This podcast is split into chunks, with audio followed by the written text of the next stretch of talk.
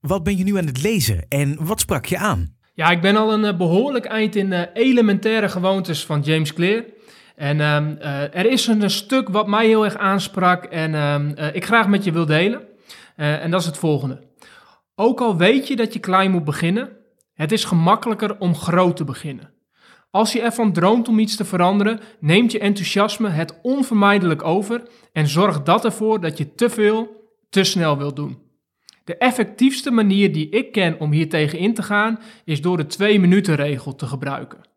Deze regel houdt in, als je aan een nieuwe gewoonte begint, moet het minder dan 2 minuten kosten om die uit te voeren.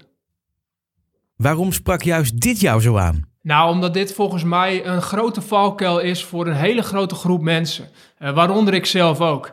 Uh, en dat is de valkuil dat, um, uh, nou ja, wat, wat James Clear dus heel mooi zegt, je enthousiasme gaat het overnemen.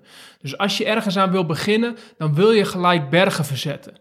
Dus je wil bij wijze van gelijk die marathon kunnen lopen, um, terwijl dat het juist die hele grote actie, juist dat stuk wat heel veel energie en tijd van je vraagt, um, ervoor gaat zorgen dat je misschien één keer in actie komt, of misschien twee keer en misschien een derde keer uh, die berg gaat verzetten, maar dat je bij een vierde keer gaat denken, ja laat maar zitten. Dus je begint heel enthousiast, één grote piek omhoog, uh, maar vervolgens appt dat weg, omdat het werk wat je doet eigenlijk veel te veel is. Het is te veel gevraagd. Dus je maakt het jezelf onnodig moeilijk en onnodig groot voor jezelf. Hoe zie je dit in de praktijk? Nou, als ik kijk naar de praktijk, dan, uh, uh, dan denk ik gelijk aan uh, de opzet van deze podcast. Daarvan ligt de valkuil echt op de loer om het te groot te maken. Als ik kijk naar mijn ambitie, dan was ik bijna geneigd om elke week een nieuw boek te lezen en daar de kern van te pakken en dan die te delen. en zo elke week in een jaar tijd 52 boeken te delen. En ik weet dat het mij in het begin sowieso zou lukken om dat te doen. Dat ik echt een boek kan uitlezen in een week en daar de kern van kan pakken en dat kan vangen in een podcast. Alleen ik weet dat de tweede week ik er al als een berg tegenop zou gaan zien.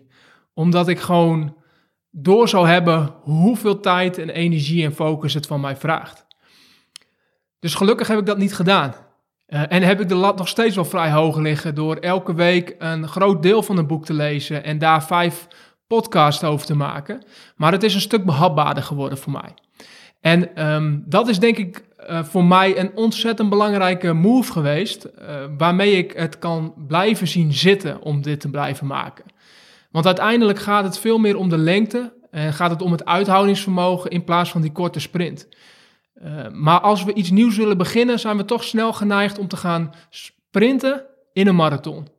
En volgens mij is dat de grote les die James Clear hier met ons deelt. Hoe kan ik hiermee aan de slag? Ja, James Clear heeft het dus over die twee minuten regel. En dat is een hele praktische toepassing.